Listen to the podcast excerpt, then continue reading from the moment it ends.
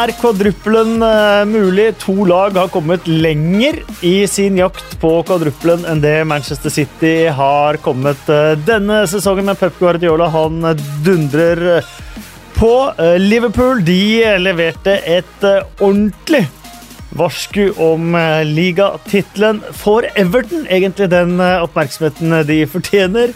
Eh, det gjør de kanskje i løpet av denne podkasten her. Clean sweep på EFL Awards fra et fantastisk lag i divisjonen under Premier League. Spørsmålet har kommet. Hvor er det best i Premier League å kommentere?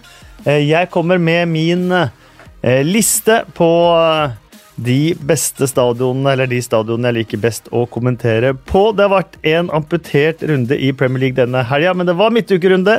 Det er en god del som har skjedd. Det har vært to FA Cup-semifinaler. Og så er eh, rasismen tilbake på engelske tribuner. Hvordan skjedde det, og hva kan man gjøre for å bli kvitt det?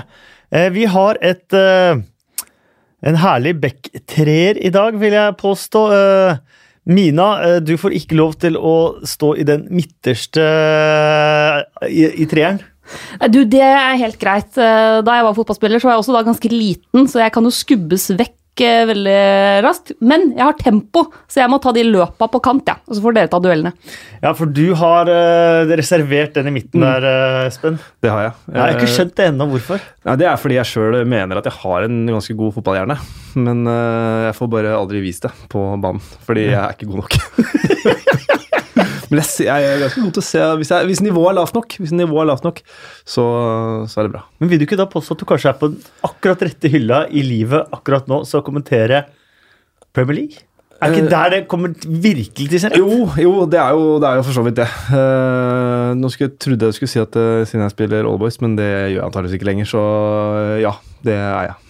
Syns du Espen er flink til Har et godt fotballhode når han kommenterer? Du, det vil jeg faktisk påstå, men det gjelder jo de fleste som faktisk har fått jobb med å kommentere fotball. De er jo sånn rimelig over snittet på å lese spillet og forstå det som foregår. Jeg føler noen ganger at jeg er litt sånn under snittet. helt ærlig. noen ganger så glimter jeg til òg, men noen ganger så tenker jeg liksom når jeg ser studio som bare ah, det skulle jeg sett. Eh, men sånn er det kanskje når man er ja, midt, i, midt i matchen. Men det må jeg si, da, for jeg fikk jo lov til å prøve på meg litt som kommentator under Norway Cup i sommer og det er første gang jeg noensinne har prøvd å kommentere, det er dritvanskelig. Altså Når vi sitter i studio og skal lage sånne pakker og analysere og sånn, så får vi jo Vi kan få se alle repriser vi vil, og ulike vinkler, og kan du, kan du pause litt der, sånn at jeg kan se akkurat hvordan det løpet egentlig kommer. Men som kommentator skal du bare få med deg alt det der live idet det skjer. Og på Norway Cup hadde vi jo knapt repriser engang, skal det sies. Vi hadde et par av de. Men det var mye, mye vanskeligere enn det jeg hadde trodd. Ja, det er veldig, veldig vanskelig, mm, faktisk. Mm. Helt utrolig ja, vanskelig. Det er ganske utrolig at man får til det man får til, altså. Eh, jeg skal da uh, gjennom en liten liste. Topp fem tenkte jeg på uh, stadioner som jeg uh, Mine favorittstadioner å kommentere på. hvis du skal tippe, Mina, hvilket tror du kom på topp? Jeg tipper at du ikke ikke eh, er en av dem som elsker de største altså Det er ikke Old Trafford eller Anfield eller Stamford Bridge eller noe sånt nå, tror jeg. fordi du er jo en mann som også liker de litt mindre klubbene med mye historie. Eh, så tja Jeg skal tippe noen Sellers Park, for eksempel. da. Kan jeg se for meg at du liker. Det tipper du. Fasiten får du om en liten stund. Får ikke jeg tippe? Eh, du har vært så mye over og kommentert, og sånt, så du har, har jo dine egne favoritter. sikkert, Men du skal få tippe. Goodison tror jeg kommer veldig høyt. Og så tror jeg Old Trafford kommer høyt òg, for der sitter du fint. Jeg sitter veldig fint på Old Trafford, og så er jeg kort i alt. Mm. Uh, som sagt, svaret kommer etter hvert. Vi tar en kjapp tur innom. Sist gang vi hadde podkast, var det etter Wolverhampton Manchester United, hvis jeg ikke husker helt feil. Men det var før Midtuka hvor Chelsea slo Brighton 3-0, Manchester City slo Cardiff 2-0 og Tottenham slo Crystal Palace 2-0. Skal vi begynne på nye stadion til eh, Tottenham, i og med at vi er inne på stadioner og sånt noe? Uh, fra TV-en så det helt fantastisk ut med det nye stadionet. Fra utsiden, TV-bilder, tribunene så utrolig ut. Alle som var der, sa hvor fantastisk det er. Og jeg syns selv og det gjør nesten litt vondt å innrømme det, at jeg syns det så helt fantastisk ut. Samtidig Man bygger jo ikke fotballstadioner lenger. Man bygger jo opplevelsessentre på en helt annen måte. Man bygger en Hva skal jeg si? En slags eh, overklassedrøm? Kan man si det? Ikke der, syns jeg. Der syns jeg man har eh, Nå kommenterte jeg samtidig sjøl, så jeg så litt, i, eh, så litt i reprise etterpå. Jeg syns det der ser ut som en skikkelig fotballstadion. Bare at den er eh, selvfølgelig ser glattere og finere ut enn eh, enn de gamle og alt mulig sånt noe, men der Hvis jeg noen gang får dra dit, så kommer jeg til å glede meg veldig. Det gjør jeg òg, absolutt. Og jeg, som sagt, jeg syns den så helt fantastisk ut. Og så fikk jeg jeg fikk liksom dårlig følelse i magen av meg selv at jeg syns den så fantastisk ut. hvis du, hvis du skjønner. For Jo. de aller fleste av disse her plastikkbollene som blir bygd nå til dags, de, de gir meg veldig lite, egentlig. Men hva er liksom Hva er hovedpoenget med et fotballstadion? Det skal vel fortsatt være å se fotball? Ja, ja, helt klart. Og, og det bør jo alltid være pri én hvis man skal bygge en stadion, er jo å sørge for at supporterne ser best mulig, eh, og, og har en stadion som på en måte passer det, de behova de har. Så veit jeg at det ofte ikke er øverst på, på lista. og jeg er Der virker det som de har gjort en fantastisk jobb. da, på her har du det, men et par andre steder syns jeg de har gjort en dårligere jobb på, på det. Men jeg er jo litt sånn konservativ anlagt på, på fotball på en del ting, så at jeg, jeg liker jo sånn det var før. eh, På mye. Samtidig så må jeg jo innrømme at jeg, jeg blei jo imponert når du sitter her og ser på. Så du får litt sånn høytidsfølelse. Eh, men Det er en stadion man har gått og venta og venta og venta på at endelig skulle bli klar. Jeg var bombesikker på at det var, selvfølgelig skulle være Harry Kane som skulle skåre det første målet, men eh, det er en grunn til at jeg ikke driver med betting. Men, men jeg hadde en veldig sterk magefølelse på at dette skulle bli liksom de gode, gamle Tottenham-gutta sin, sin aften. Men det er klart, da har de fått noen eh, nye helter som ikke kommer fra England nå, det skal sies. Men alt i alt en ganske stor kamp. altså Selv for meg som ikke har noe, ikke er Tottenham-supporter, eller noe sånt nå, så er- var det en stor, stor aften. altså. Helt enig. Og de har bygd den sånn at den er så bratt som den kan få blitt.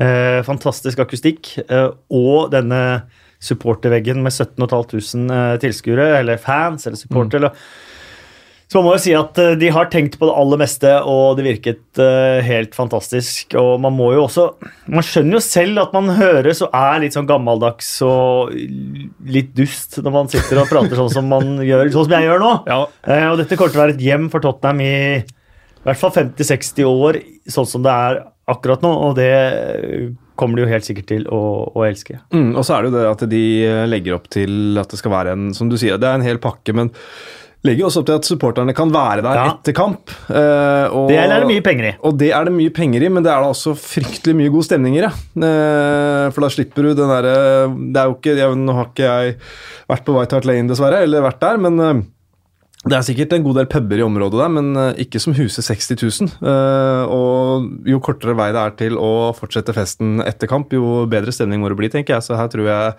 det kan fort bli et eksempel til etterfølgelse, måten de har bygd den stadion eh, på her. Jeg syns det ser helt magisk ut, jeg. Ja. Det var to tomler opp og alt. Jeg tror alle er fornøyde. Og etter ett poeng på fem kamper, så fikk de seieren i åpningskampen. Det er, mitt inntrykk er at ofte så blir selve kampen nedtur eh, på åpning av nye stadioner. At hey, full stadion, og vi åpner, og den har vi venta på i så og så mange år. Og vi tapte 3-0. Men eh, de her vant faktisk for første gang på lenge. Ja, øh, og der tror jeg, jeg tror Her spiller også det litt mentale inn. Jeg tror at de Tottenham-gutta der nå, de, de veit hvor lenge man har venta på å få en egen stadion. Jeg tror de er litt lei av å spille på Wembley. Det har vel flere av dem sagt også, at det er, sånn, det er helt greit å spille på Wembley, men det er jo, det er jo litt som da Vålerenga fikk ny stadion. Man, man syns Ullevål var helt greit, og der var man lenge, men det er ikke hjemme. Det er ikke vårt sted, på en måte. Man er, har det til låns, og man er i noen, annens, eh, noen andres storstue. da.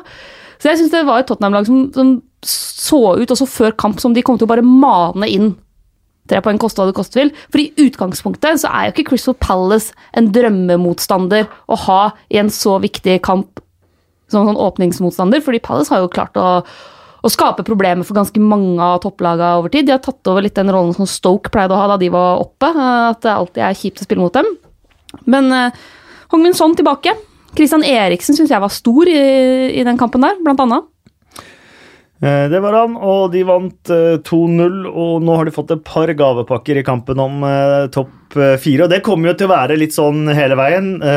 Wolverhampton slo Manchester United. Arsenal tapte i helga. Chelsea har en fantastisk mulighet i kveld hjemme mot Westham. West Ham. Um, Chelsea de slo Brighton 3-0, tilbake liksom med Eden Hazard og um, på Loftus-Cheek. vinnersporet Loftus-Cheek. Hudson Odoi fikk sin første start. Mm. Eh, Giroud for Higuain. Så det var liksom de tre som folk har etterlyst, og alle tre satte sitt merke på den matchen. her. Var fet den der uh, ertinga etter matchen òg. Når uh, Loftus Cheek satt og sa at uh, jeg gjør det bedre enn deg, og så var det fram og tilbake. Jeg, sånt syns jeg er gøy. Men Hudson Odoi, uh, man har sagt at han er ung, og man kan ikke stole på Man kan ikke sette sin lit til dem når man er i den situasjonen man er, og manageren skal beholde jobben og sånt noe. Jeg har tenkt motsatt, at han er den som kanskje kan gjøre Chelsea mye bedre offensivt. Ja, og han er den eneste som kan redde jobben til Sarri òg, hvis han bruker Hudson Doy. Hvis han ikke gjør det, så er det jo Om han ikke er eh, ferdig allerede, så, så er han i hvert fall det om han ikke bruker Hudson Doy, tenker jeg. Uh, så syns jeg også Da er vi litt tilbake til forrige runde, men uh, jeg blir litt, får litt sånn guffen følelse når Chelsea-fansen står og synger uh, Sarri out og alt mulig sånt noe helt til. Jeg syns det, det blir for dumt, men, uh, men uh, jeg skjønner jo at de også vil se Hudson Doy mye mer. For han uh, er du god nok, er du gammel nok osv. Det er en klisjé, men det er en grunn til at det er det. Og nå er han eh, Nå har han kanskje bevist for seg at han eh, funker også i en eh, Premier League-match. Manchester City slo Cardiff eh, 2-0. Vi hadde Chelsea i 06-07. De kom til på andreplass i Premier League, så de hang med mot slutten. De vant Ligacupen, de vant FA-cupen, og de kom til semien i Champions League. Så de var jo med fortsatt da på dette tidspunktet her, sånn som Manchester City er. Samme med Manchester United i 08-09. De vant Premier League, vant ligacupen. Slått ut i semien i FA-cupen. Så de er vel da forbigått av Manchester City Mm. denne helga. Og, kom på, og, og tapte finalen i Champions League. Nei, det er fortsatt på kurs. mot, De er på kurs, eh, men den er på langt nær klart. På langt nær klart. Eh, Så, men de, begge de to siste kampene, da. Altså det er jo eh, De skårer det tidlige målet, og så er det jo full kontroll. eh, derfra, og Da sparer de krefter og kan eh, slappe av til eh, verre slag. Og så kan man jo kanskje si at eh, ikke det nødvendigvis alltid er en fordel at du, hvis du må krige for poeng, sånn som Liverpool hele tida gjør nå, så får du en helt momentum på det også. Men uh, jeg holder fortsatt City som favoritt i uh, Premier League. Jeg er litt mer usikker på Champions League, faktisk, men uh, i Premier League så mener jeg, tror jeg fortsatt City vinner. Jeg også har sittet hårfint foran, eh, det, men, det, det, men den er hårfin. Altså. Det er sånn, hvis jeg skal anslå prosentvis, kanskje 52% sjanse for at City tar ligagullet, 48 for Liverpool. Så jevnt syns jeg faktisk det er nå, og, spesielt med tanke på en del av de egenskapene vi har sett av Liverpool i det siste. Da. Det å tvinge fram de tre poenga eh, som de, har gjort i flere kamper nå.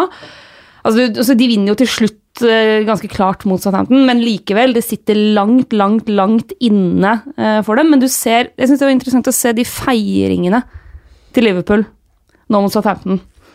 Du har liksom Keita som får det første målet sitt og ser helt, eh, han ser ut som han har ramla ned fra månen omtrent. Jeg kan nesten ikke tro hva som har skjedd, men Mané som liksom løfter den opp på skuldra og hurra, hurra, hurra. Så får Salah endelig målet, målet sitt, og en nydelig scoring som sådan.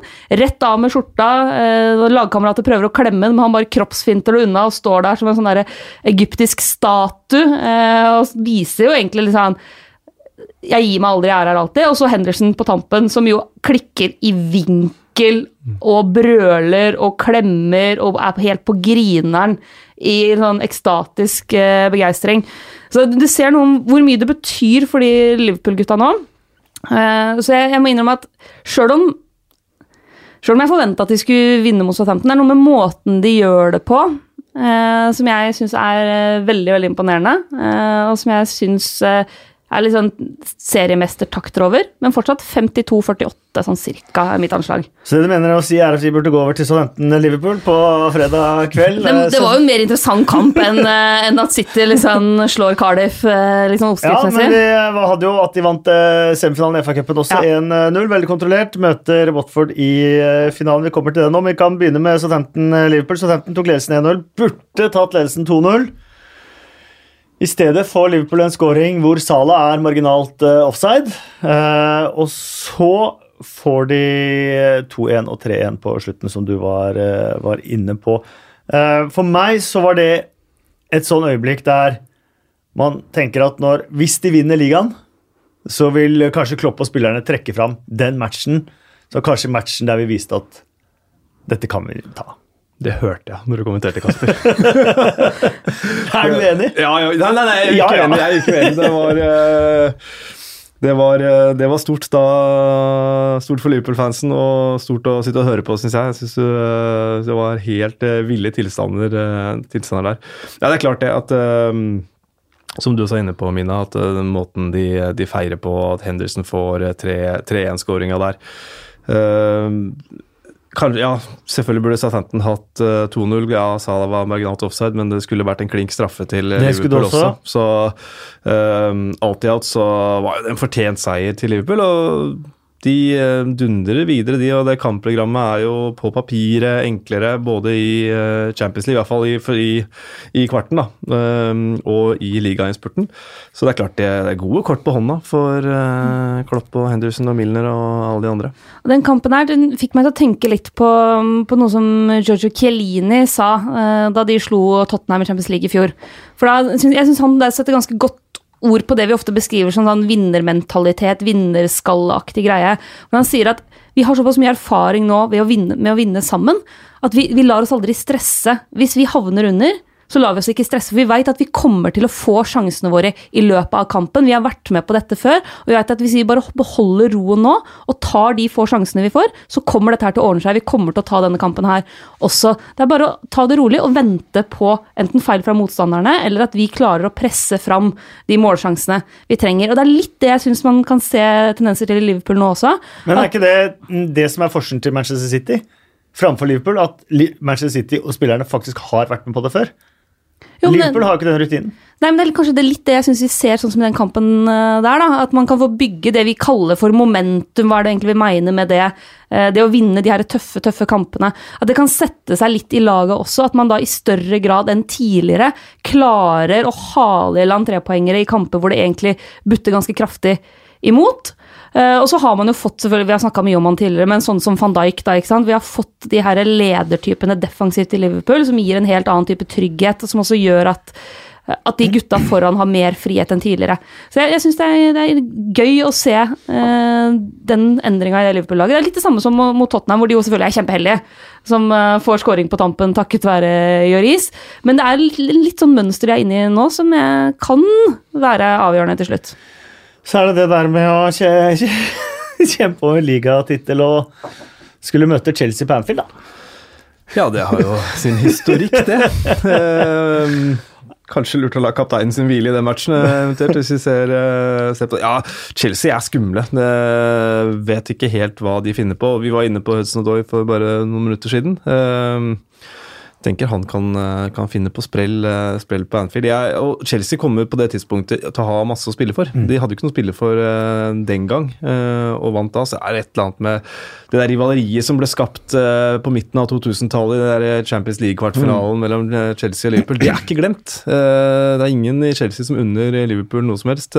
så det er en eh, Så ser man Jeg snakka om kampprogrammet i stad. Ok, ja, de har Chelsea hjemme, det er en fordel. Det er ikke sikkert det er en eh, fordel skuldra blir litt høye, og som du er inne på, Kasper, så, så, så har jo City-spillere vært med på dette her før. Og jeg tror ikke det, det er liksom litt sånn kaldt vann i årene, eller hva det heter. så den, den dagen de ikke går, da, den dagen de ikke klarer å krige seg tilbake, så kan det være en mentalt tung smell å, å svelge, men uh, den eh, broa får vi kanskje krysse når vi kommer til. Eh, Frode Reime skriver Jordan Henderson får mye tyn, også fra egne supportere. Benket ofte som kaptein. Ultradedikert, ujålete i stilen, erkebritisk. Liverpool taper aldri med han på banen. Eh, han har jo fått mye kritikk, og mange har sagt at han er ikke god nok eh, til et lag som skal vinne ligamesterskapet. Samtidig må jeg si at i denne perioden, og det er egentlig den sesongen vi er inne i, han imponerer voldsomt. altså. Ja, og dedikasjonen kan ingen tvile på. Eh, Den, den er der eh, så det holder. Jeg syns han har falt litt gjennom i et par av de, mot et par av de virkelig største kampene da, eh, mot den ypperste motstanden. Så syns jeg han av og til faller litt gjennom. At da går han litt sånn tilbake til Ja, Han er jo ikke bedre enn det han er. Nei? Da er det Ja. veldig mye eh, pasninger på tvers og senker tempo og en del sånne dumme balltap. Mot den ypperste motstanden så syns jeg han faller gjennom. Men sånn som mot Southampton, helt avgjørende, enormt viktig. Men jeg tror at både Liverpool-sportere og andre må bare tenke at Jordan Henderson er den spilleren han er. På godt og vondt. Man veit hva man får positivt i form av vilje, kapasitet, eh, krigerinnstilling og alt det der. Og så kommer han aldri til å bli noen sånn ballkunstner som skal sånn trylle fram de lekreste målsjanser og pasninger osv. Det kommer han aldri til å gjøre, og det må man bare akseptere. Er et lite paradoks? Uh, Steven Gerrard, den karrieren han hadde i Liverpool, aldri i ligamesterskapet, om uh, Jordan Henderson skal løfte det? Ja. Det er vel det korte svaret på det. Jeg, uh, vi har jo snakka litt om det her på Kammers, Kasper, om Jordan Henderson. Jeg, jeg er jo tilhører den som, som, egentlig liker han veldig godt. det kan jo kanskje ha noe med klubbbakgrunnen hans å gjøre. Men, men jeg, er enig med deg, Mina, og litt uenig, for uh, den eh, omgangen, eller den kampen han leverte mot Bayern München, blant annet, uh, det kan fort ha vært et veiskille for han. Da fikk han plutselig all den, den hyllesten Eh, han sikkert har ønsket. Om han fortjener den eller ikke, det er jo et annet, eh, annet eh, spørsmål. Og for meg så, så fremstår han som en, en, veldig god kaptein som aldri sutter og klager, selv om han blir benka. Han skjønner at han blir benka hvis det, er det bra, hvis det er bra for laget. Og når han kommer inn, om det er fem minutter før slutt, eller om det er etter et kvarter eller etter en halvtime, så så gir han uh, alltid det han skal, og, og er, begynner, begynner, å se litt mer ut som en hærfører. Så uh, ja, et paradoks om det er Jordan Henderson som uh, hever det ligatrofeet. Men, men vel fortjent, vil jeg si. Heia Henderson. Glad. Helge Grunevåg på Twitter, spent på om Vikstad og resten av gjengen i Premier League-poden overser Everton også denne uka. Men noe sier meg at det blir vanskelig. Vi fikk litt kritikk for at vi hadde vært litt lite innom Everton sist. Nå har Pickford holdt nullen tre kamper på rad. De har vunnet tre kamper på rad. De har på en måte gått fra Marco Silva, kanskje vært en av de mest pressede managerne i mm. Premier League, til at han på mange måter har slått tilbake. Altså For første gang på sju lange og sju breie og 50 evigheter så slo de jo et topp seks-lag. Mm -hmm. uh, så ja, Pickford holder nullen, men uh, det var på håret når han boksa ballen rett i uh, beina på Aaron Ramsey der. Uh, vi har jo snakka mye om Marco Silva og at uh, det her på en måte er, og lakmustest har vi også snakka en del om denne sesongen. Um, og hvordan han slår tilbake nå etter å ha vært inne i perioden. Jeg synes det ser ut som at uh, han gjør det, og det syns jeg er veldig gledelig. Etter at han fort har blitt sånn, sånn derre Ja, du er bare god de første seks månedene. Uh, nå var han brukbar de første to, og så har det vært trått, og nå ser det bra ut igjen. og Det er klart det tar tid. begynner å se konturene av et veldig spennende Everton-lag med en, uh, en som du uh, så godt påpekte, Kasper, uh, undervurdert hodespiller, og som jeg bare Hæ? og nå er jeg enig med deg. man, må jo, man, må jo, altså, man må jo bare innrømme feil, og det må jeg gjøre. Calibert Lewin, enorm match i går.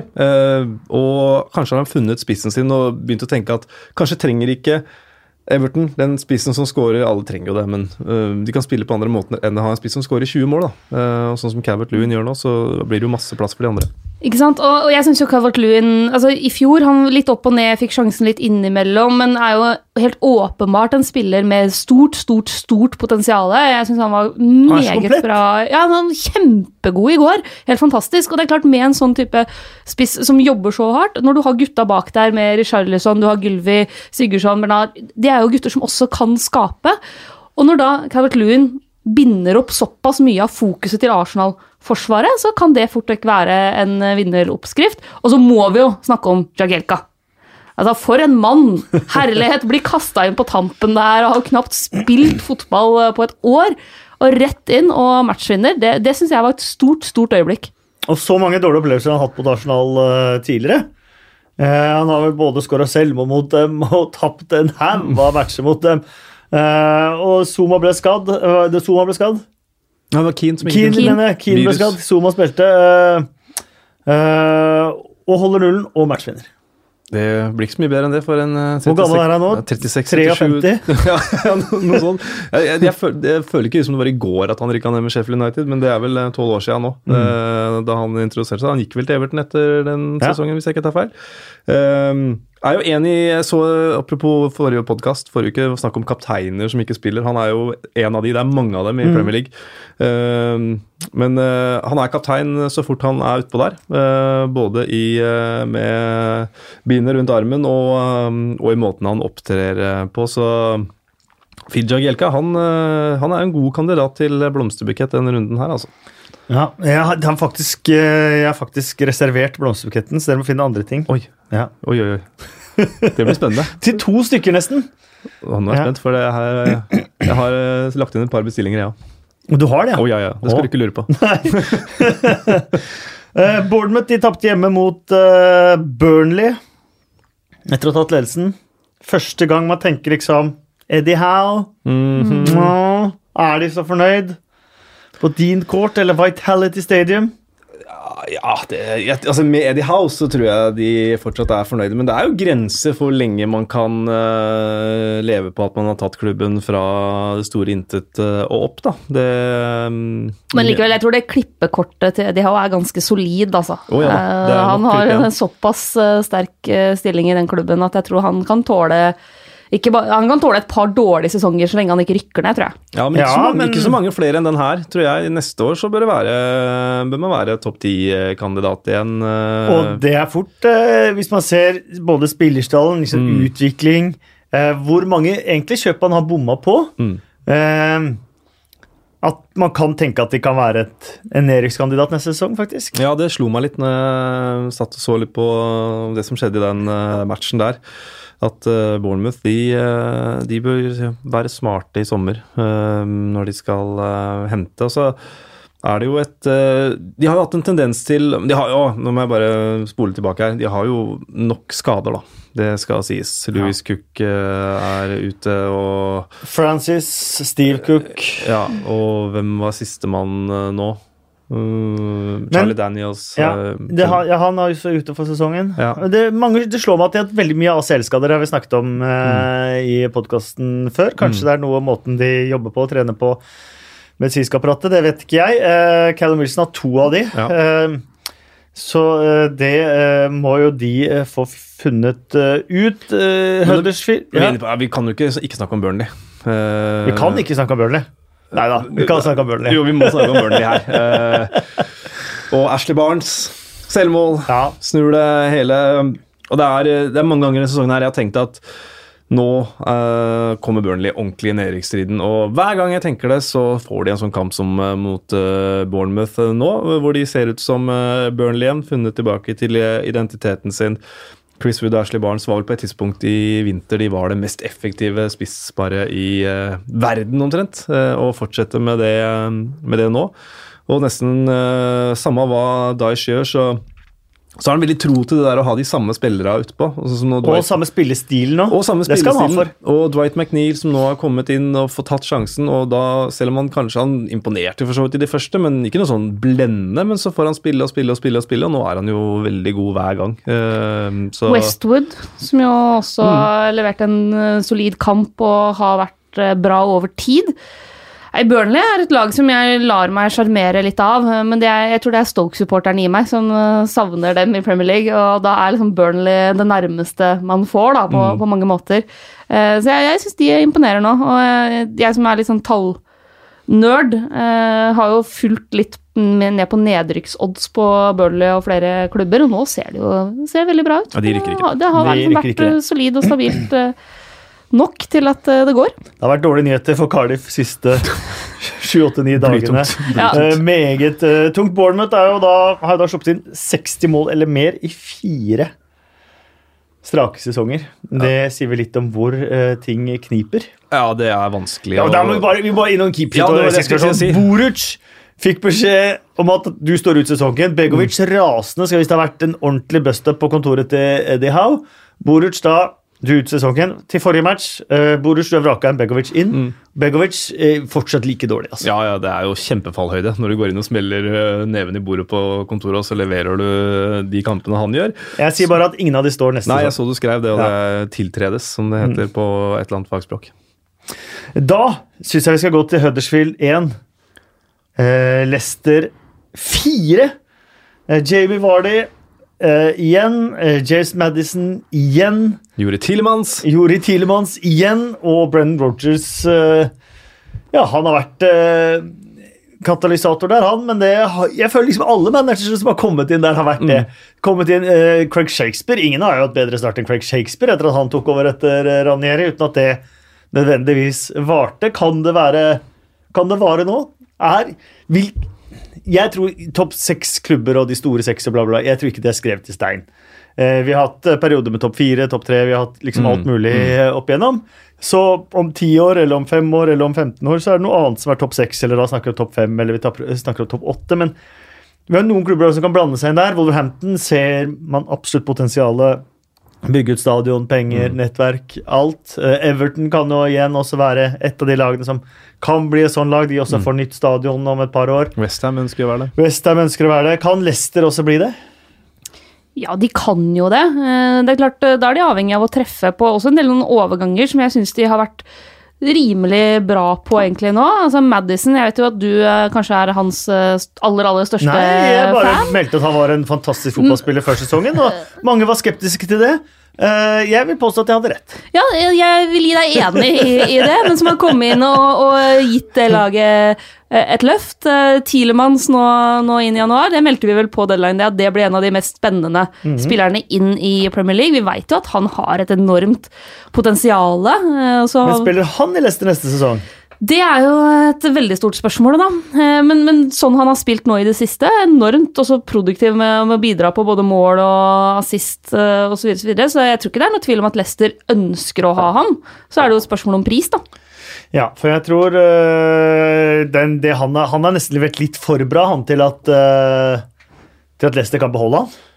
Tottenham, for eksempel, de veide vel og fant han for lett i januar. Uh, han veier vel mer nå? Ja, definitivt. Og nå ser vi jo det det jeg trodde vi skulle ha sett fra Tielemanns en god stund nå, da. Men eh, det er klart, i Monaco der så var det mye rot på alle bauger og kanter, og ikke bare spillerne, men eh, administrasjon og trenere og hele pakka. Eh, Så det kan han ha levert for bra til å, til å bli, men hvis de fortsetter også å klare å treffe på et par sånne type overganger, da, og få inn litt yngre spillere som kan løfte laget, som er litt for uprøvd til at toppklubbene tar sjansen, så kan jo Leicester absolutt være med og blande seg. Men det kommer også an på hvor lenge, er det, hvor lenge klarer Jamie Vardy for eksempel, å holde det nivået han er på nå. Jimmy Vardy blant de Jeg hater Premier League-rekorder, selvfølgelig. Eh, for det er jo bare ja, de siste 27 årene eller noe, da, eh, 28 årene, så er han da på topp 50 målskårere nå, da, med skåringene sine Ja, tenker, men, i helga. Ja Men da. eh, det er jo bra, det, da. det er brukbart, det, Men han har jo da endt opp med å vinne et ligamesterskap. Han har fått noen landskamper, men eh, som Chris Sutton sa i helga, han kommer nok aldri til å spille for en toppklubb nå. Nei, det gjør han ikke. Uh, han sjansen er hadde, hadde jo muligheten uh, til Ja. å gå til Arsenal. Uh, jeg tror han er glad for at han ikke gjorde det. Ja. Blir heller klubbhelt og legende etter hvert i Leicester, det tror jeg vi kan se om det er et Foran statue. Ja, det, det spørs vel. Uh, men fordelen er at da trenger man ikke bruke så mye penger. Da. Han er jo ganske tynn. Men uh, Det går med lite ja, brosje. er lite brosje for å få det. Men jeg tenker på Leicester er jo et søkkrik klubb. Så de kan jo pøse inn penger på Tielemann, så, sånn som de opplevelsene han får nå. Syns det er kult med, med Rogers. Jeg kommenterte den aller første kampen han tok over. Da brukte de en omgang på å komme igjen. Så tapte de riktignok på overtid mot eh, Watford, men du så konturene allerede da av hvordan Rogers ville spille, så jeg syns han har fått til det på nesten rekordtid. og eh, Man kan si mye om Rogers, men jeg tror nok han også har litt sånn tiltrekningskraft på spillerne på den hylla som Leicester potensielt kan hente. da. Uh, jeg tror Leicester er en, eh, en veldig god kandidat til å blande seg i den uh, miksen under topp seks, kanskje inn i topp seks også. Alt ligger jo til rette der. Og da er det Brennan Rogers med så mange spennende unge spillere som er nøkkelen. Ja. Ja. Det er det. Er jo det. Ja.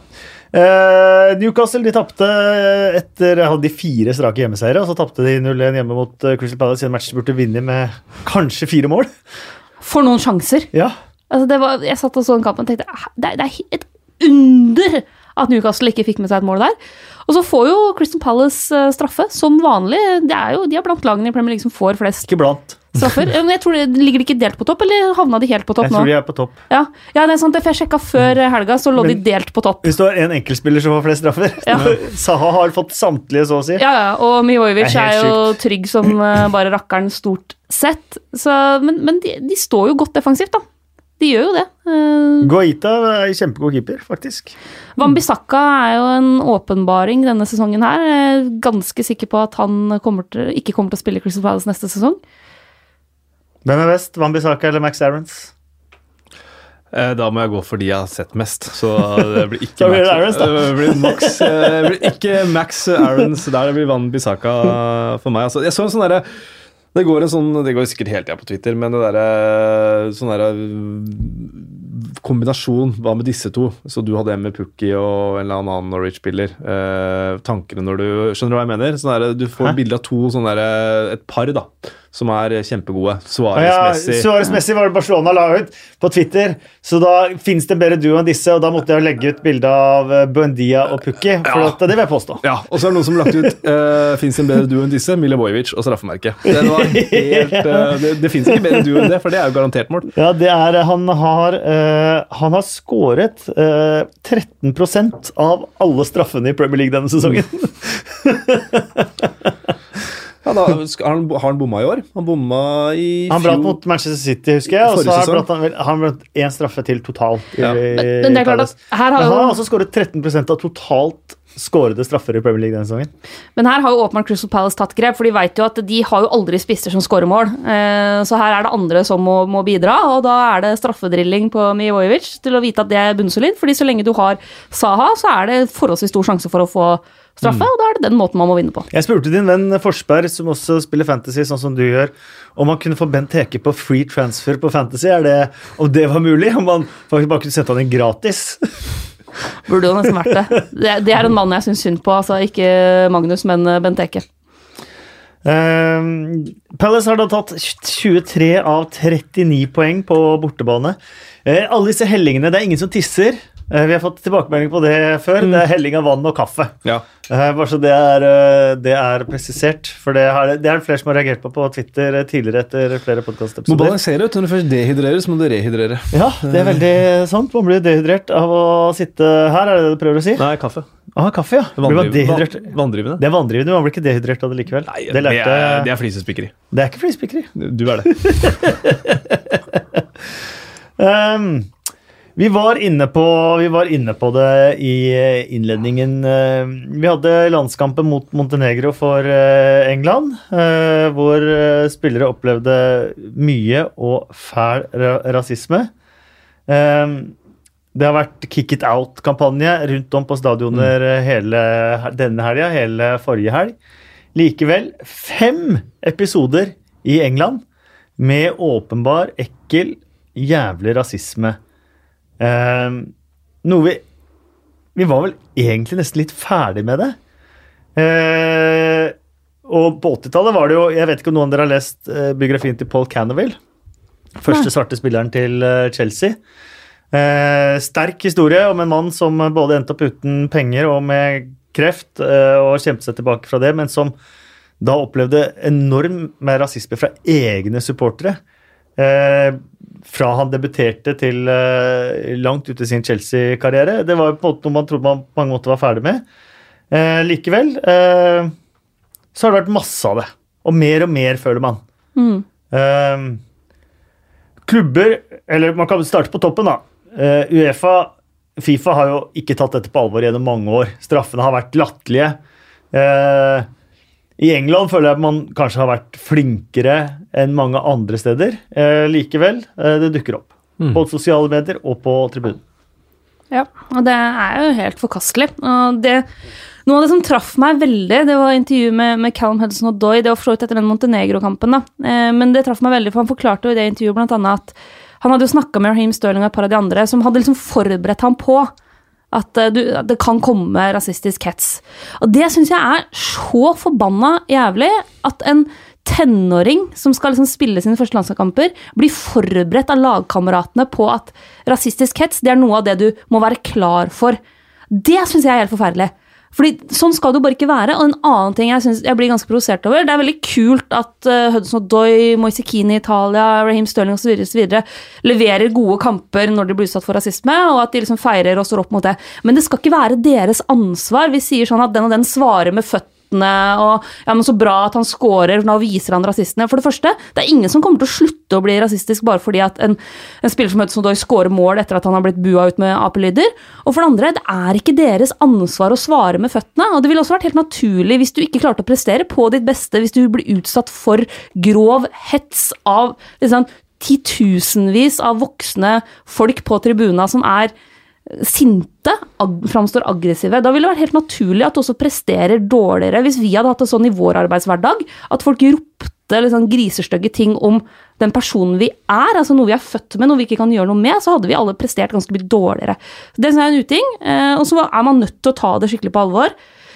Så er spørsmålet hva gjør man? Er det liksom tomme tribuner? Er det utestengelser? Eh, vi har jo kommet såpass langt at det går an å identifisere folk bedre enn før. Altså, hvem er det som faktisk roper den dritten her? Hvem er det som står bak det?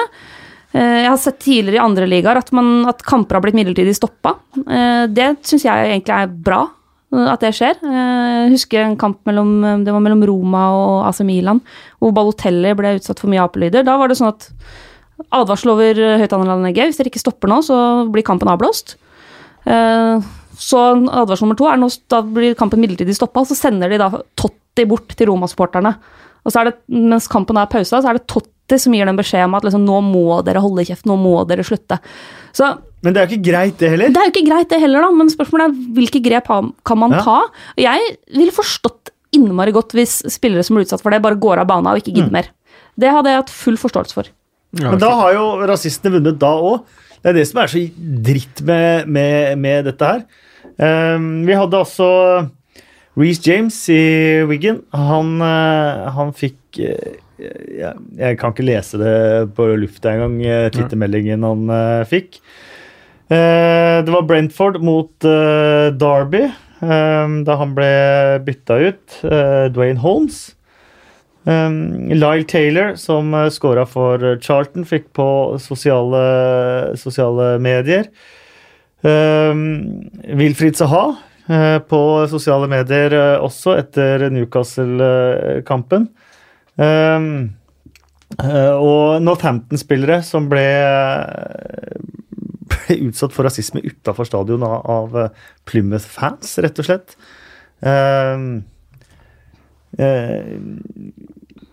knallharde straffer som går utover den klubben. eh, det, er, det er vanskelig, men, men det, det, det, gjelder, det gjelder holdningen i samfunnet, og det har jeg snakka litt om i denne podkasten tidligere. og det er, jo, det er jo Man hører og ser hver eneste dag holdninger eh, fra de som skal være de voksne i samfunnet, som på mange måter legitimerer eh, at folk eh, kan oppføre seg på den måten. da.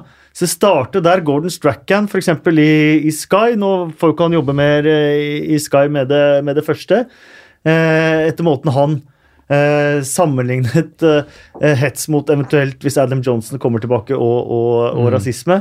Eh, tankeløshet og holdninger som, som kommer eh, i samfunnet generelt, vil jo gjenspeile seg på fotballbanen. da. Ja, og det, det så vi uh, uten den rasismesammenligningen for øvrig når, når Jack Grealish ble eh, overfalt i uh, Birmingham Derby. Det var én ting, men meldingene på Twitter der med hvor noen som hetsa Grealish sin avdøde bror som døde når, når Grealish var en liten gutt. og Da var jo også den der at det, det gjenspeiler seg. Det, hva, hva skal man si? Det er det er grusomt, og strenge straffer det er vel det som eh, må til. og jeg, jeg Og en holdningsendring. ja, men Og det, og det- må komme liksom også Det må komme på alle samfunnslag. da. det er nettopp det. Man kan ikke legitimere sånne holdninger i noe sted. Eh, og hvis sidemannen din på jobben, eller sidemannen din på skolen, eller sidemannen din på tribuna eh, Om det er en for spøk eller ikke, så si ifra, i hvert fall. da. Mm, At alle har et ansvar. Og internjustis er viktig på fotballtribuner. Det har jeg vært med på sjøl på norske tribuner, hvor noen har slengt en eh, melding, og så er eh, de andre bare 'dø, hold kjeft, det der skal vi ikke ha her'. Og Den type internjustis er viktig, men den er jo veldig veldig vanskelig å styre. Da er det, og jo større tribuna er, jo, jo flere supportere det er, jo vanskeligere er den internjustisen også. Ja. Men hvis alle begynner med seg selv og sier fra, ikke godtar eh, Hadde jeg på Twitter her som omtalte muslimer i, i, på en måte som man ikke har hørt siden 30-tallet i, i Tyskland. Eh, hans profilbilde var Mohammed Salah, en Liverpool-fan. Eh, det bare forteller meg også hvor eh, tjukke huet mange, mange er. Begynne med seg sjøl. Det er et, eh, det er sted å starte, i hvert fall. Definitivt. Eh, Vi eh, går på litt lystigere eh, temaer, men jeg håper at eh, ja. Jeg lovte å komme med min uh, topp fem stadioner å ha kommentert på. Du tippa at uh, Sellers Park var inne på lista. Ja, det Goodison Old Du Trafford. tippa på at Goodison Old Trafford var inne på lista. Uh, skal vi, vi skal begynne med femteplass. Så slenger jeg en Anfield. For Anfield uh, er en uh, Og det kan man si om Old Trafford og et par av de store gamle også. Det er som proper football stadiums. Ser at de er bygget for fotballstadioner. Du ser at området rundt er fotballstadion. Og Anfield, når det virkelig er stemning på Anfield, så er det, er det veldig bra. Og det har blitt veldig mye bedre de siste sesongene også. Eh, det var egentlig bedre før, selv om fasiliteten var mye dårligere før eh, den nye tribunen. Nå sitter man veldig høyt oppe og eh, litt lenger vekk fra både The Cop og fra spillet og alt, men det er fortsatt eh, veldig bra sted å, å kommentere. Eh, det må nesten bli topp seks. Ok, Det må bli en topp seks. Uh, for på femte, så da er det Anfield på, på sjetteplass. ok. Ja. Femteplass uh, Loftus Road. QPR. Uh, tett, intim. Fantastisk fotballstadion, egentlig. Og den er så tett og intim at man kan ta på spillerne når man sitter på første rad, og man føler man kommer veldig veldig tett inn på både atmosfære og på spill og, og på alt. Eh, fjerdeplass Sellers Park. Ja, som var inne. Den er inne. Ja, det er bra. Eh, nå har jeg begynt på dette elektriske varmeteppet når jeg kommenterer gjennom høst, vinter og når jeg kaller vår. Eh, så jeg har slutta å fryse. Men det som var fantastisk på Sellers Park, der er blant annet, eh, det er jo et av de stedene man dør hvis det begynner å brenne. For man, sitter, man går opp en stige, og så sitter man på en hylle under taket uten rømningsveier. Eh, og det er et par av de stadionene som er sånn. De har aldri blitt godkjent i Norge, f.eks. I Norge er man veldig opptatt av, opptatt av sånne ting. HMS. I, med HMS, ja. Ja, ja. Veldig lite HMS på Sellers Park. Men jeg har tenkt på et par ganger at hvis det skulle skje noe her nå, så er det bare å sende tekstmelding hjem og si at uh, jeg har nytt det så lenge det varte. Uh, men, eh, men det som var fantastisk der på, på vinteren, var at du hadde flomlyset rett bak deg.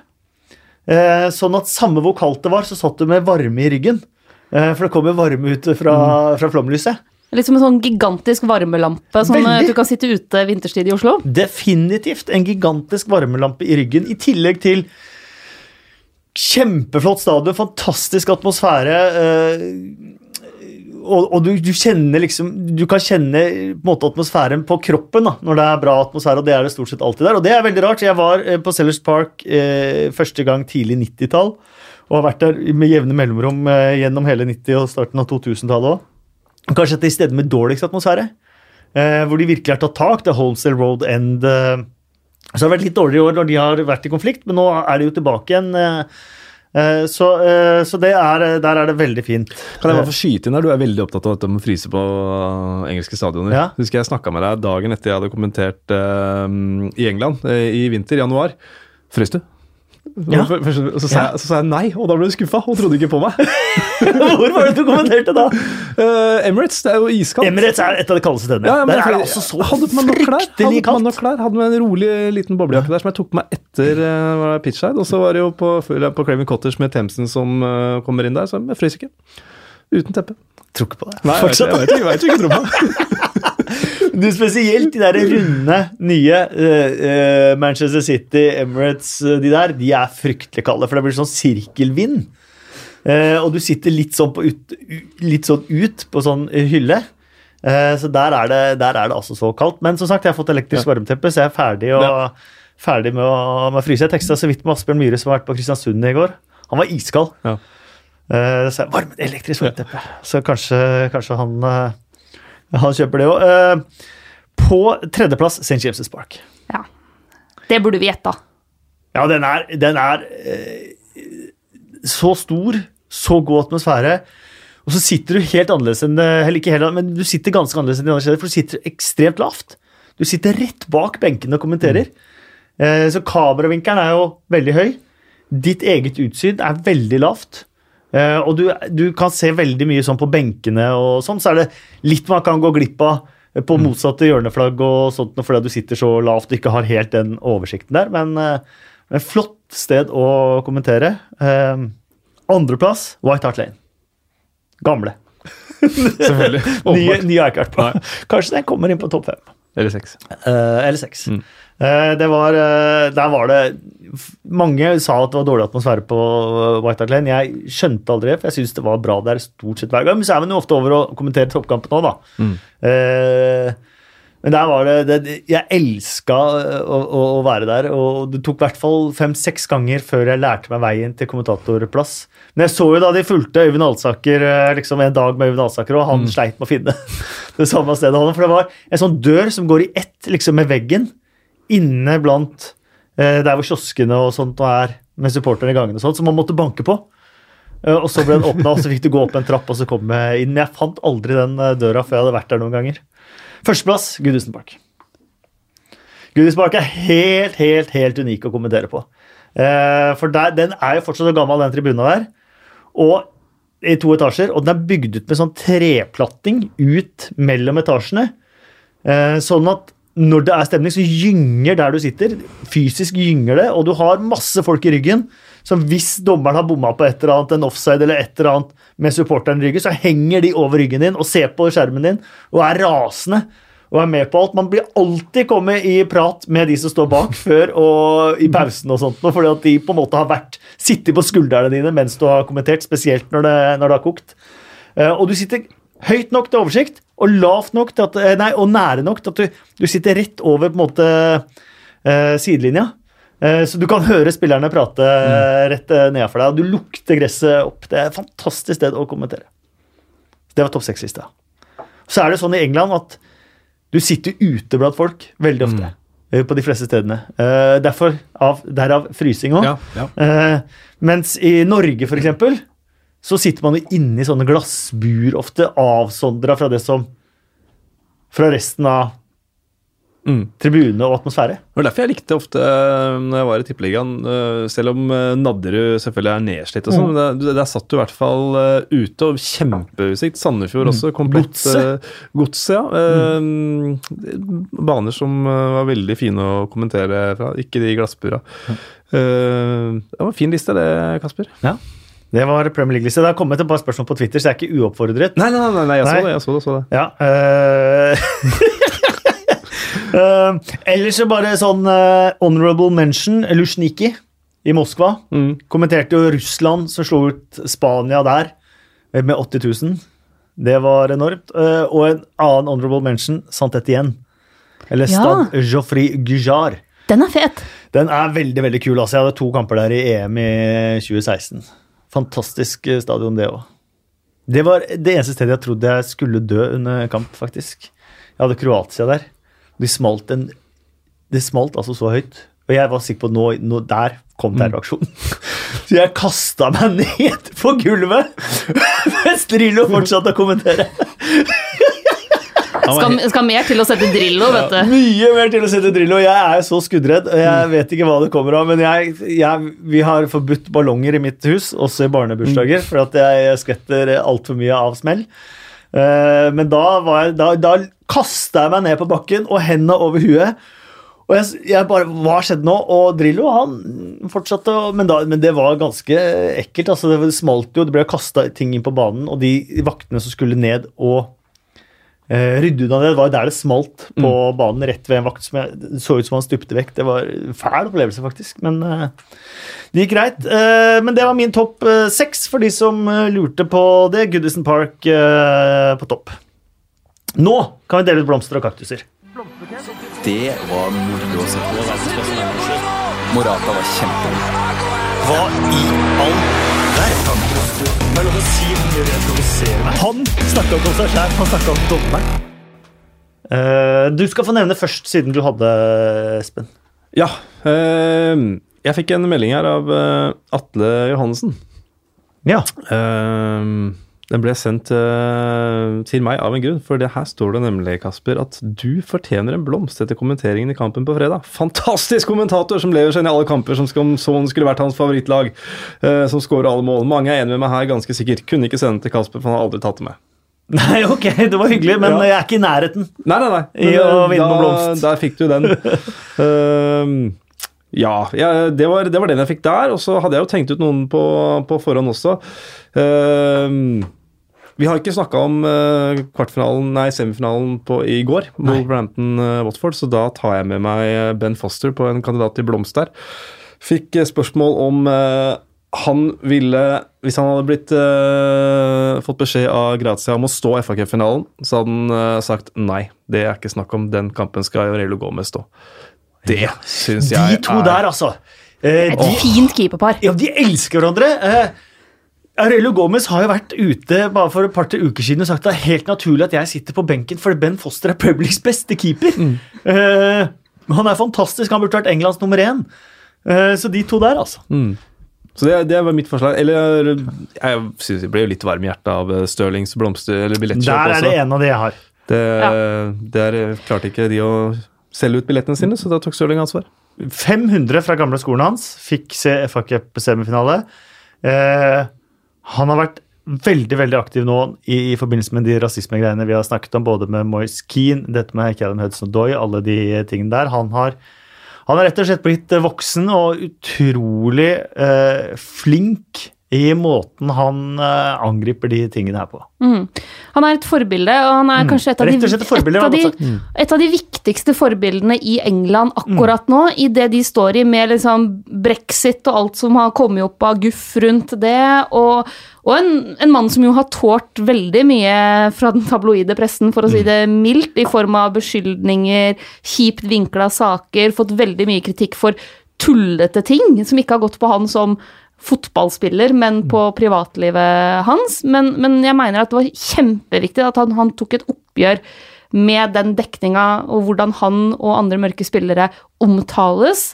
Det var kjempeviktig. Måten han har stått opp for for uh, Moise Keane, for Callum Hudson-Odoi, men også sagt klart ifra på egne vegne. Og så har han jo Det er jo ikke første gangen at han gjør sånne type gode gjerninger, da, hvis vi kan kalle det det. Han har jo hatt flere andre sånne ganger hvor han enten har liksom spandert fotballbilletter på folk, eller dratt og besøkt barn på sjukehus. Altså, han, han er en fin fyr og Englands viktigste forbilde. Helt enig. Eh, så han skal få dele blomsterbuketten med Aaron Moy og Bella.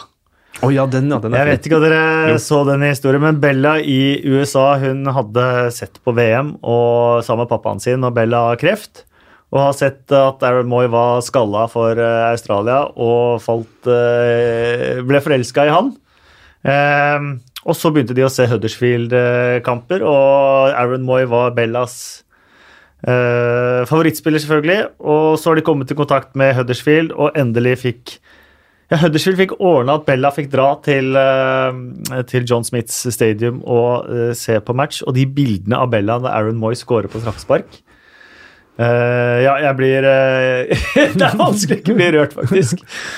Og det viser også at fotball er veldig veldig mye mer enn bare tre poeng, ett poeng, null poeng. Da. Uh, Her har vi et lag som allerede har rykka ned, som veit at de skal ikke spille i Premier League neste år. En kamp hvor du går på et kjempetap, men likevel så kan det for enkelte supportere så kan det ene målet de da får, bety så vanvittig vanvittig mye. Og det er det, altså Fotball er veldig mye mer enn null poeng eller tre poeng. Altså, det er så mye følelser involvert i det.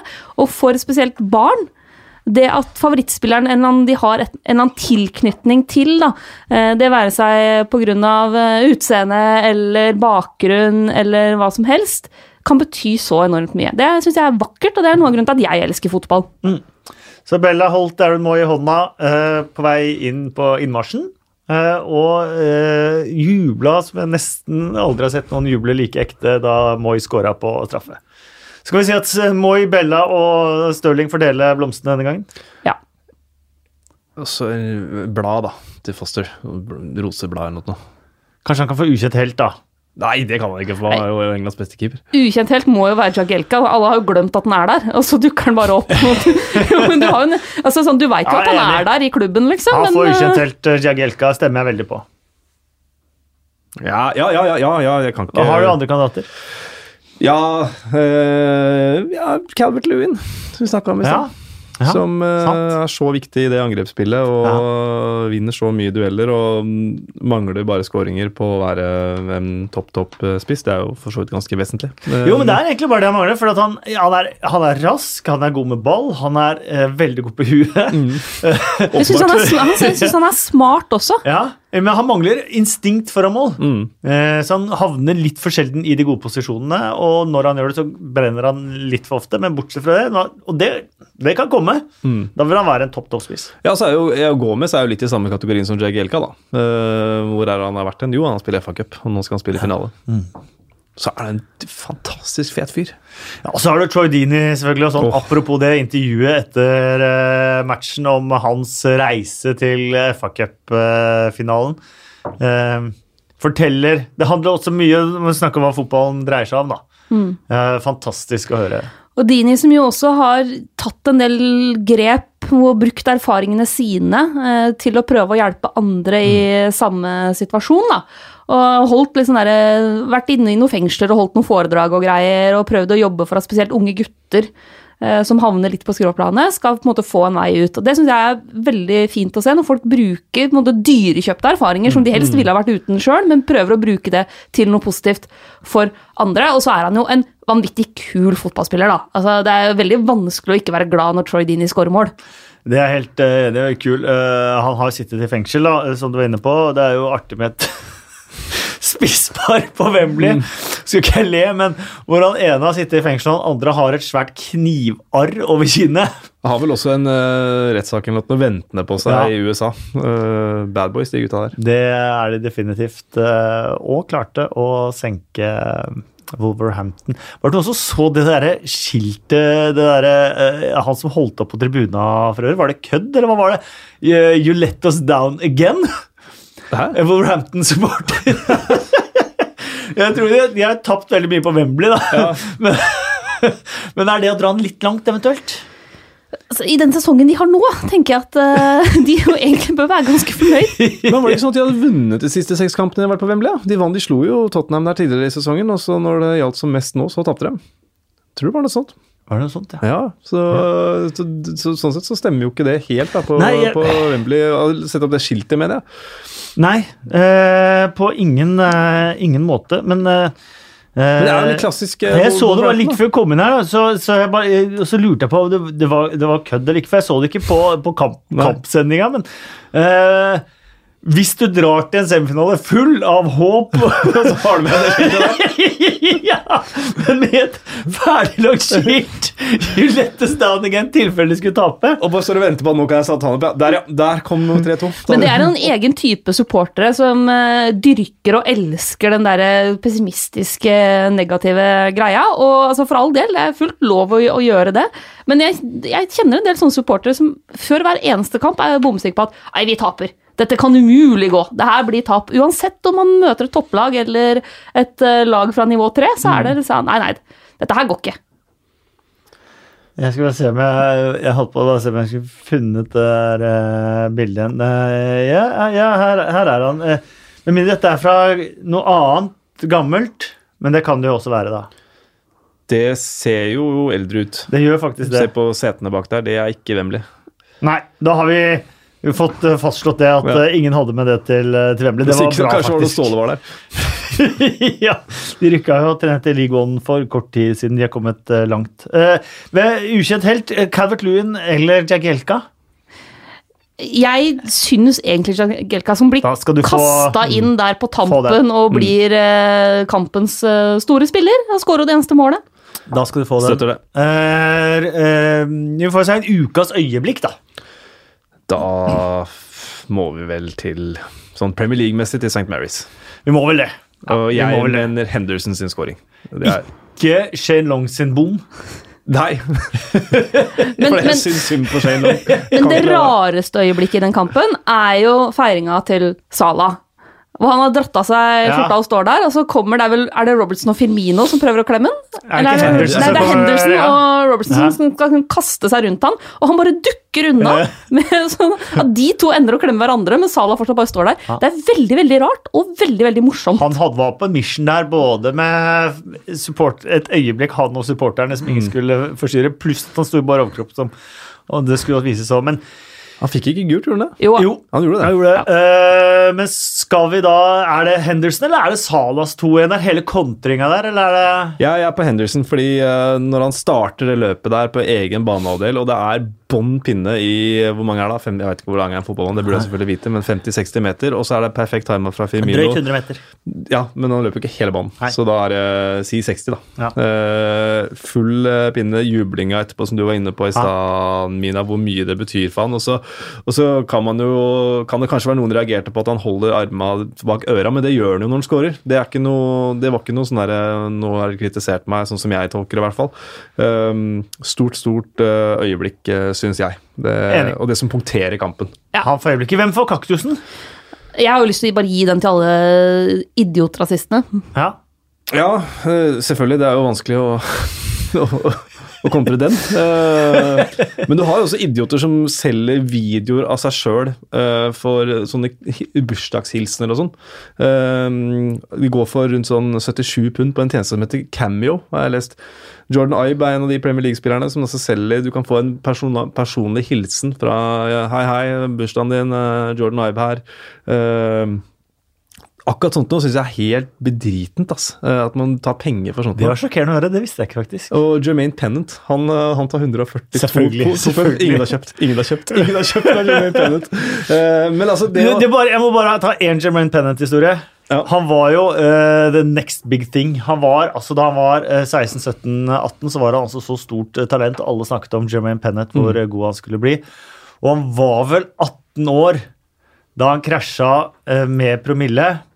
Eh, stjernespilleren på Arsenal da het jo, var jo blant andre Ashley Cole. Eh, og han ble Politiet kom selvfølgelig. Bare What's your name, son? Ashley Cole. akkurat der tror jeg han skamma seg flere venner enn uvenner.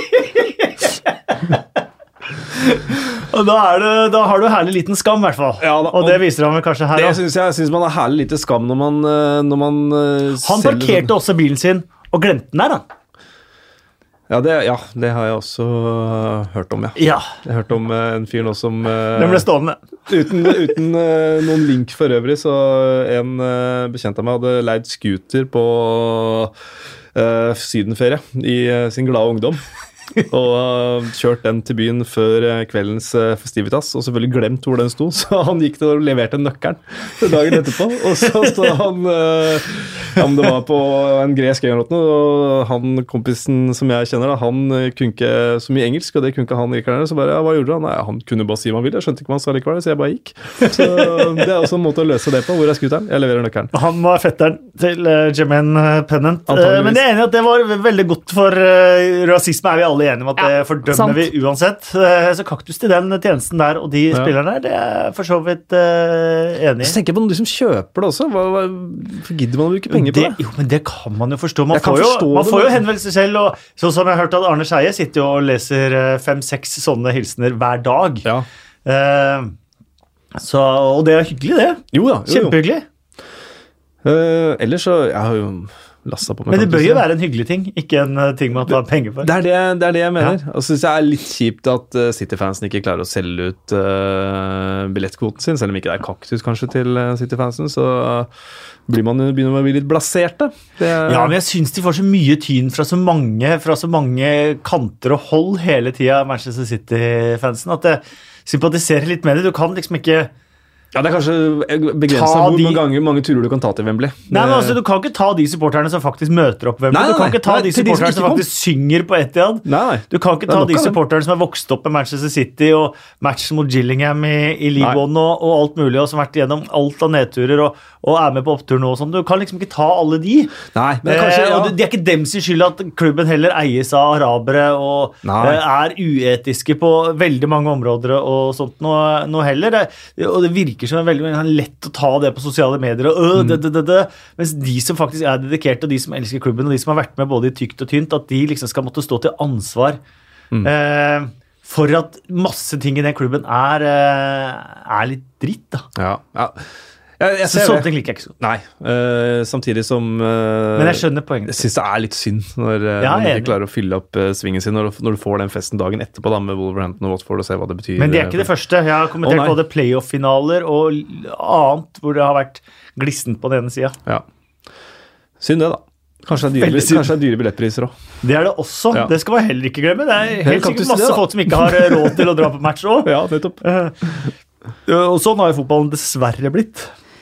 Ja, dessverre. Og, og det er Og det er jo historieløst å kalle Manchester City-supportere ræva òg i tillegg, også, hvis Ja, man husker Main Road og The ja. og, og alle tingene. Og den gjengen som har vært med hele veien. ikke sant? Men det er jo et problem også på en del når man snakker om glisne tribuner og hvorfor folk ikke møter opp. Når vi veit hvordan billettprisene er i en del av de store ligaene. Så hvis du er en familie, da. Eh, la oss si at du er en sånn standard arbeiderklasse lønning, og så har du tre unger og alle har lyst til å dra på kamp, så må du kanskje begynne å se litt på ok, men vi, vi kan ikke dra på alle kampene fordi det begynner å koste fryktelig mye penger. Og man Det- får, ja, Ofte får man ikke billett hvis man bare skal dra på enkeltkamp, heller, selv om det ikke er utsolgt. Og det, men det jeg er for, som jeg vet at enkelte store europeiske klubber har gjort, det er jo at de har eh, Hvor det er mye turister som kommer og, og skal på kamp, det er jo at de har ganske billig sesongkort, og så har de innmari dyre enkeltbilletter. eh, Og så- på den måten så kommer liksom de fotballturistene, de subsidierer billigere sesongkort for de som faktisk er på mange kamper. Og det mener jeg egentlig er helt, helt innafor. Det er jeg helt enig men eh, det jeg tenker på når det gjelder billettpriser, vi sitter et halvt minutt om det, det er De tar altså de billettprisene de gjør, ikke fordi de må, eh, men fordi de kan. Og det er jo det forkastelige her.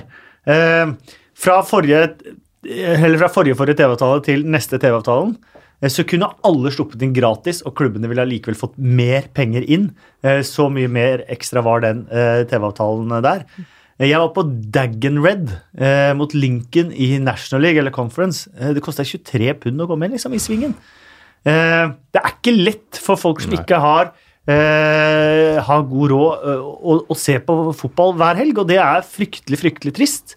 Eh, og det gjelder nesten alle nivåer. Uh, og spesielt da i Premier League, hvor man virkelig ikke hadde trengt til å ta de billettprisene. Jeg kan godt forstå Jeg kan heller forstå Dagen Red ta 23 pund for en billett enn at Manchester City skulle tatt 23 pund for en billett. Fordi eh, de trenger faktisk pengene. Det gjør ikke Manchester City. Uh, billettinntektene i seg selv eh, er eh, faktisk eh, overraskende lite av eh, den årlige omsetningen. Eh, selvfølgelig en del av det, men eh, overraskende lite om man Det hadde hatt veldig lite å si på bunnlinja om man hadde senket billettprisene. Og mange klubber har faktisk, det skal de ha litt, er flinke til å fryse prisene, i hvert fall. For det var en periode hvor de prisene løp helt løpsk.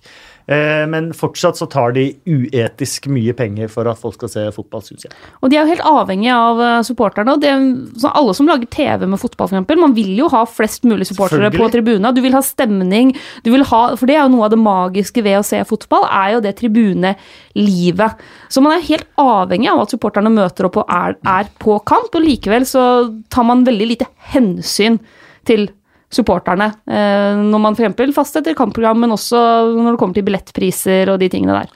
Det er tung den maska til Jimenez òg, når han scorer og taper Ja. den maska. Det er tungt. Det er tungt, det er tungt å tape. Det er, det er tungt å tape. Og skal helst ikke gjøre det. faktisk. Uff. Må ikke tape. Eh, ja, jeg vet at uh, mange Wolfs-supportere irriterte seg over mine uttalelser om Jimenez denne sesongen. Eh, så jeg vil bare legge til for the records. eh, han har både overraskende positiv, vært fantastisk god. Vært hver eneste pund som Wolverhampton bruker på han nå. Mm. så står jeg på at han har hatt noen sjanser eh, han burde ha satt, eh, men all in all eh, Klassespiss. Eh, vært fantastisk god for et veldig morsomt lag å følge denne sesongen. Det. Benfica, er det Benfica driver med? De låner ut Jimenez og han Luka Jovic i Eintracht Frankfurt. Ja.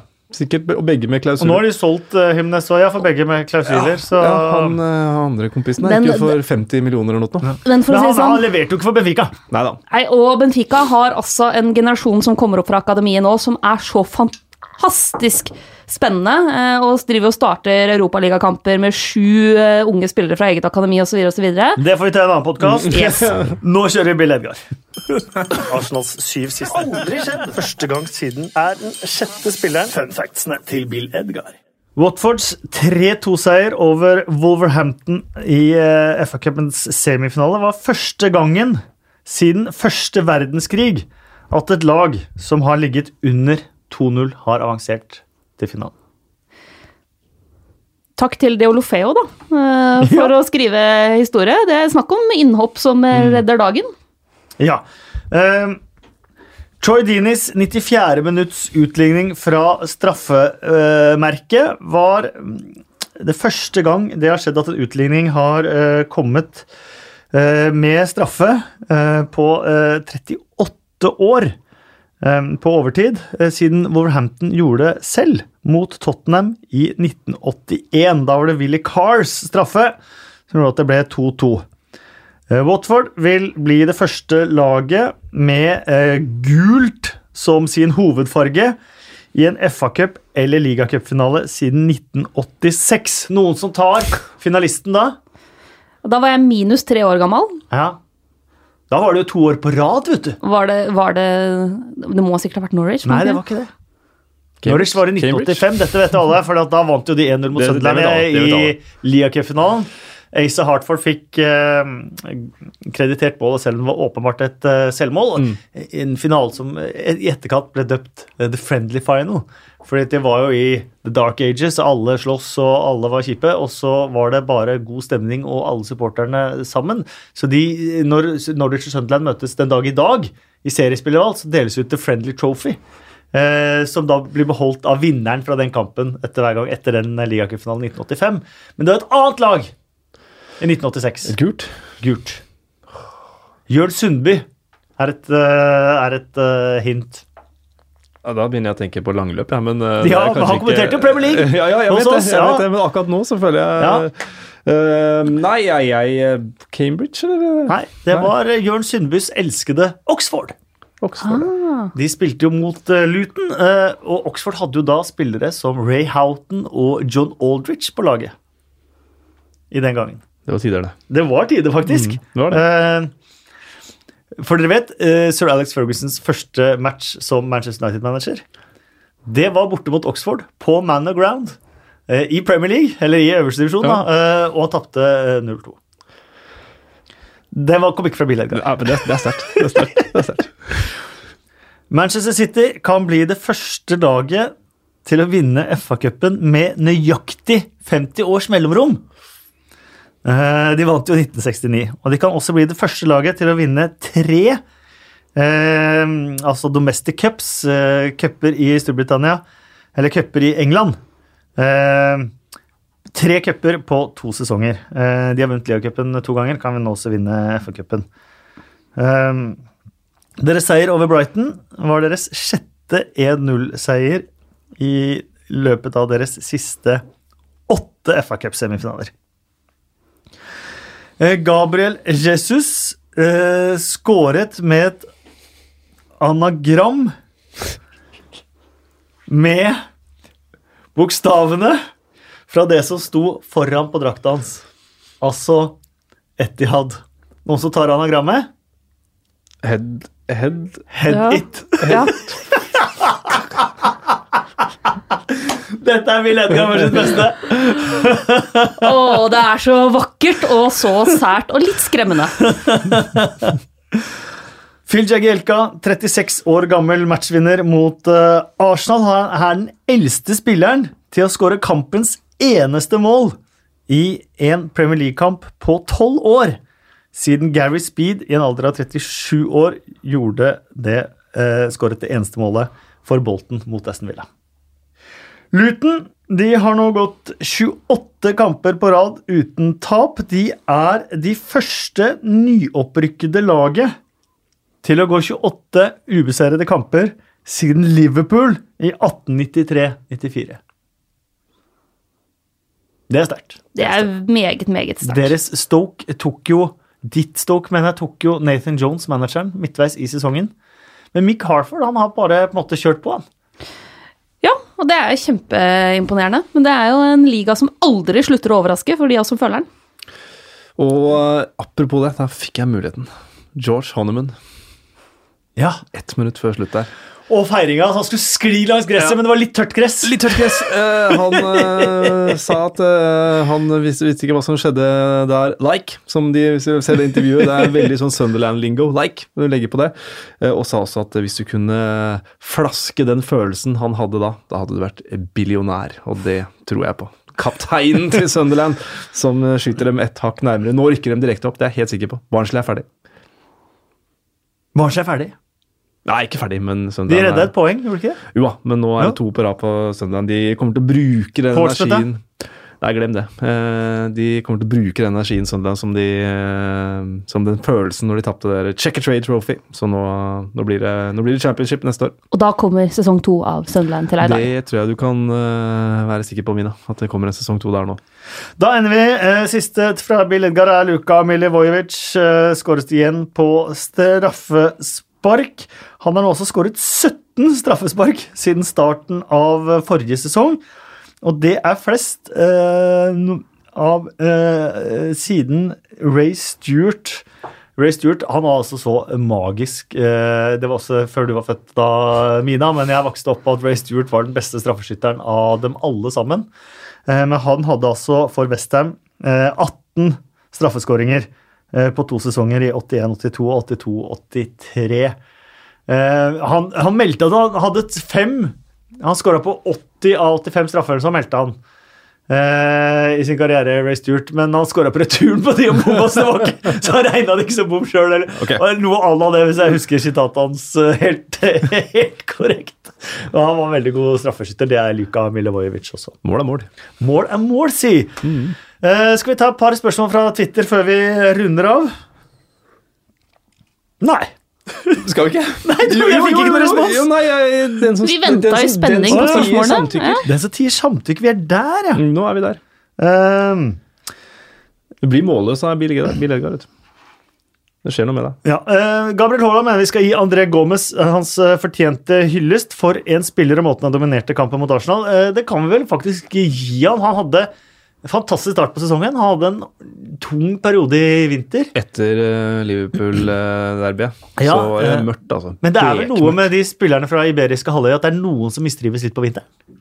Ja, det er jo ikke et nytt fenomen, men det er veldig hyggelig at Gomez gjør det bra. Også fordi vi vet jo at han hadde det ganske tungt i Barcelona. Han har snakka ganske åpent om det, at han sleit eh, mentalt. Var litt deprimert, eh, rett og slett.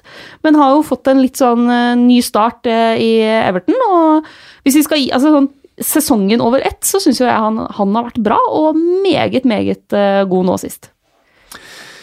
Stein Are Sælemyr, eh, får jeg foreslå en blomsterbukett til min forlovede som lot meg se Liverpool-Burnley mens hun lå med rier på eh, klinikken? Resultatet ble 4-2 og en sønn. God uttelling, da, syns jeg. 4-2? 4-2? Det skjønte jeg ikke. Liverpool mot Å Burnley? ja, det er der, ja. Jeg trodde det var Southampton. jeg. Nei. Eh, Det var Liverpool-Burnley.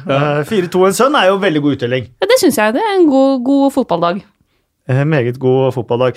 Eh, Anders Ludvigsen, hvorfor er folk så overbevist om at det er Arsenal som følger City, Liverpool og Spurs inn i topp fire? Folk snakker om kampprogram. Av seks kamper igjen er fire av Arsenals borte. Watford, Wolverhampton, Leicester og Burnley tipper United sniker seg foran. Det tror jeg òg. Eh, Manchester United skal nå ut i Champions League. Han risikerer å stå med fire tap på eh, fem kamper, eh, godeste herr Ole Gunnar eh, Solskjær. Eh, da begynner man å snakke om at i hvert fall engelsk presse enkelte deler av det kommer til å kvesse kniver. Oh, ja. Ja, og det er klart at Barcelona er, vil jo være store favoritter, men likevel, likevel, selv om Barcelona er favoritter, så kom, går det inn i et sånn narrativ, da, som er en litt negativ trend nå. Så er det det med Arsenal, de skal jo møte Napoli. Det er heller ikke smågutter. Og nå får vi jo se virkelig hvordan Meri også prioriterer mellom Europa og, og Premier League, men det kan bli et ganske tøft oppgjør, mens Chelsea har en mye lettere kamp i Europaligaen. Så det kan jo også kanskje spille inn i den miksen der. Spennende match med Chelsea i kveld. De har fått det litt servert nå, en mm. gave inn i topp eh, fire. For meg er det helt åpent, men Tottenham største favoritten av de fire. Og så åpent mellom eh, resten. Ramsøy, Arsenal bra hjemme, dårlig borte. Mangler de en verdensklasse midtstopper, leder typ van Dijk. Eh, Det har vi snakket om med Arsenal eh, siden Invincibles, føler jeg nesten. Mm. ja, det gjør de. Ja. Det er det korte svaret der. Det er det. Uh, Stein Olav Olsen, årets dommer på godt og vondt. Nei, Michael Oliver syns jeg holder generelt Han er bra. Men på godt og vondt så er det Mike Dean. Ja, han er årets dommer på godt og vondt. Han gir oss mye å prate om. Ja, men eh, han gir oss mye å prate Ja, om, det ja. skal han ha. Og vi skal ikke kimse av det røde kortet til eh, Ashley Young, var hans hundrede i Premier League. Det gule kortet han ga like før, var hans hundrede gule kort denne sesongen. Det er to eh, flotte dommermilepæler. um, som, som Mike Dean skal ha. Ja. Ja. Det er jo uh, kaktusmateriale, det røde kortet til Ashley Young òg, da. Til, til Jung, ja. ja. ja. Det, var hodeløst. Bekmørkt. ja. Eh, det var det, eh, stort sett. Vi er jo eh, som alltid på Twitter, 2PL-pod. Eh, vi tar gjerne imot stjerner og kommentarer på iTunes. Nå har jeg feid altså Endre Olav Osnes av banen i squash. Eh, Jeg har eh, tatt eh, Discoverys Jonas, eh, Jonas Berg Johnsen.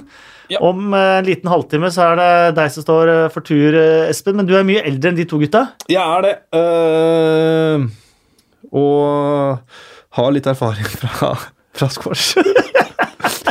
med, med trykk på litt. Uh, har ikke sko, så jeg skal spille i sneakers. Har uh, dårlig rygg, så nå selger jeg meg ned. Men jeg håper på ett sett. Nå, dessuten så lærte jeg jo Jeg er såpass observant at Endre sa jo sist at eh, du hadde sagt noe smart til han etter at dere var ferdig. Men det vet jeg nå før. Så jeg holder deg i midten, og det er der jeg trives i trebøkslinja òg, så Det kanskje jeg kan snike til meg noe der. Sant, eh, sånn apropos følgeting. Jeg tenker meg at det kommer en Insta-story på Instagram-kontoen min. Mm, Eh, det tror jeg òg. Jeg er en uh, dårlig taper, men jeg er kanskje en enda dårligere vinner, og det beklager jeg på forhånd. Uh, Det går helt Espen. fint. Jeg uh, skal gjøre mitt ja, for at du blir en dårlig taper. Hva gjør du nå, Mina? Du skal på Nyhetskanalen. Jeg skal bort på Nyhetskanalen, ja. Og så skal jeg, etter det så skal jeg sitte og se litt på en del Juventus-spillere. Og forberede meg litt til Champions League, så det blir stas. Sitte og kikke på klipp av spennende unge spillere. Det hørtes uh, veldig bra ut. Som du- Barzagli, Chiellini Jeg tenkte å se på de litt yngre gutta, da. Uh, Chiellini føler jeg liksom, han har jeg temmelig god kontroll på. Han, Jeg veit hva hans greie er. Det er bra du har det, for det er ingen andre som har det. Han er jo uh, ustyrlig dude. Det hørtes ut som vi skal ha det hyggelig alle Absolutt. eh, sammen eh, etter hvert. Eller i hvert fall eh, Vito skal ha det hyggelig, Mina. Altså. Ja, men, men dette er ikke kødd. Altså. Jeg tror Kasper er den dårligste vinneren jeg kjenner. Ja, Faktisk. jeg tror det kanskje. Ja. jeg veit at jeg kjenner en dårligere vinner, men øh, Hvem er det? Ja, det er en kompis av meg. Jeg kan ikke oute han. Jo. Han heter Martin. Martin. Ja. Han er dårligere vinner. Han veit det sjøl, han dyrker det. Han dyrker det. Men han er veldig god i ting. Uh, ja, Ja. absolutt. Mm. Fryktelig vinner, og elsker å øh, gni det inn. Og en elskverdig, nydelig mann. ja. Vi dårlige vinnere, vi kan være hyggelige òg. Ja innimellom. Veldig hyggelig at du hørte på, som eh, sagt. Håper du henger med til eh, neste podkast òg, og håper at eh, laget ditt har masse hell og lykke i uka som kommer. Det var en av de tingene vi lovte før podkasten kom jeg på nå, som vi glemte å ta. Det var EFL Awards. Eh, Som har vært er Litt sånn ringende særavslutning her nå. Ja, det var det. Eh, Det kommer både del to og del tre av avslutningen. Men vi kan eh, nevne at årets spiller i Premier League Nei, i Championship ble Temo Pukki. Årets unge spiller i Championship ble Max Aarons. Um, og jeg har lovet at det skal komme på podkasten, men bloggen som jeg har lovet, den er jo i hvert fall ute. De kommende stjernene i Premier League heter den. Um, om eh, de mulige kometene fra Championship. Det faktisk, har vært utrolig mange gode unge spillere i Championship fra veldig mange forskjellige klubber. Jeg har prøvd å gi en liten oversikt over de og hvor gode de ulike er. Eh, Så gå inn på tv2.no og les den. Har du lest den, Mina? Nei, vet du hva, Jeg har ikke fått lest den Oi, enda, oi, men jeg har oi. store planer om å lese den, fordi jeg syns det er kjempeinteressant. Og så skal vi få med oss Eirik Aase. stjernemerka Ja, sånn glemme at Mina også produserer mye blogger selv, så det er vanskelig å lese og skrive samtidig. Det, Det, går sant. ikke. Mina er, eh, skriver mange fantastiske blogger, så hvis jeg skal anbefale noe, så er det bloggene dine, Hør, eh, Mina. Eh, og så skal, skal jeg love at eh, Eirik Aase skal vi få inn her, også til å prate litt om eh, championships. eh, mange spennende spillere i, uh, i podkasten. Han har jo hjulpet meg å lage den oversikten på tv2.no. Nå, eh, produsent Håkon, som har lagd podkasten for moderne media. Nå så det ut som du var klar for å trykke på den der avslutt-knappen. Eh, nei, må bare holde på hvis du vil det. Må ikke si det ennå. Vi avslutter her, vi. Ja. Takk for nå.